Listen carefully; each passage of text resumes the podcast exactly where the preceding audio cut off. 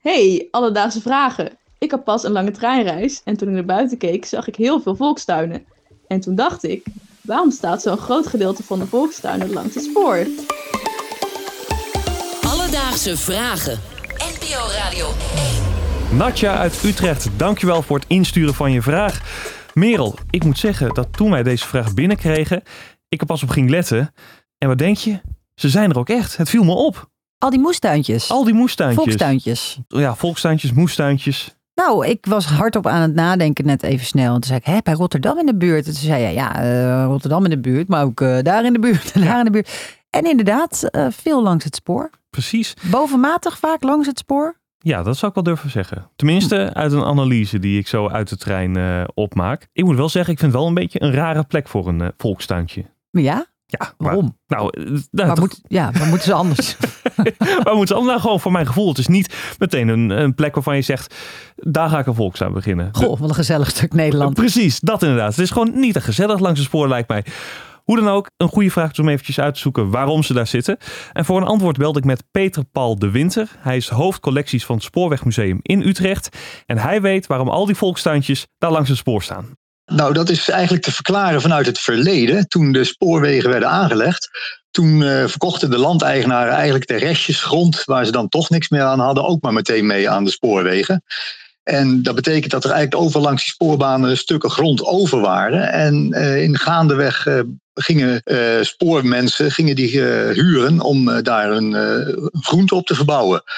Een andere oorzaak is gelegen in het feit dat vaak eh, er waren allerlei dienstwoningen langs het spoor. Hè. Er waren eh, mensen die de overwegbomen bedienden, die hadden een huisje langs het spoor. Er waren wegwerkers, die hadden een huisje langs het spoor. En daar was vaak ook een stuk grond bij.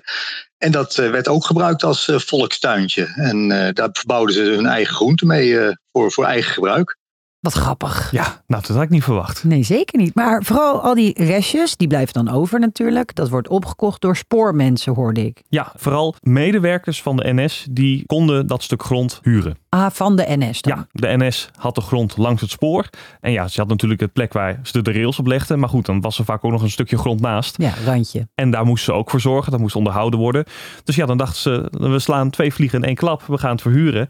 Schappelijk prijs voor de medewerkers. En dan wordt tegelijkertijd die grond een beetje onderhouden. Chill. Ja. Kijken we naar hoe dat tegenwoordig is. Ja, die grond is niet meer van de NS. Het spoor wordt ook beheerst door ProRail. En die is er niet zo gek op. En heel veel volkstuintjes die verdwijnen ook. En Peter Paul legt uit waarom. Het heeft alles te maken met de spoorwegveiligheid. Eh, eigenlijk is het iets, eh, ze willen er gewoon vanaf. Eh, met name nu natuurlijk die boedelscheiding met ProRail en ook verantwoordelijk is voor die baan. Maar het is gewoon heel gevaarlijk. Mensen gingen dan op het voetpad wat langs het spoor lag, het schouwpad zogeheten, wat niet vrij toegankelijk is overigens. Gingen ze met fiets, met karretjes, met kinderen naar hun moestuintje toe. Want het lag niet altijd zomaar makkelijk bereikbaar. En dat was de enige weg langs het spoor. En het is natuurlijk toch gevaarlijk, een moment van on- onoplettendheid. En eh, je, je, je zit zo onder een trein, bij wijze van spreken, als je niet uitkijkt. Alledaagse vragen.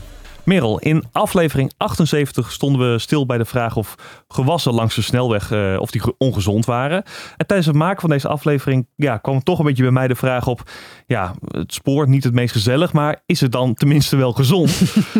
Eh, Laat het op zijn minst gezond eh, zijn. precies. En daarom belde ik weer met Maarten Krol, eh, de expert op het gebied van fijnstof en luchtkwaliteit aan de Universiteit Wageningen. En hij vertelde mij dit. Tenzij je een vieze dieseltrein hebt, denk ik dat het spoor is eh, geëlektrificeerd. Dus eh, er komen nauwelijks emissies bij vrij. Dus dat lijkt me een prima locatie voor een volkstuin. Hoera! Poh, kan je wat dat betreft rustig ademhalen. Precies, daar kunnen we, dat, dat scheelt. Dat is, het is blijkbaar niet schadelijk op het gebied van fijnstof en dergelijke. Maar ik moet toch nog even een kleine nuance brengen.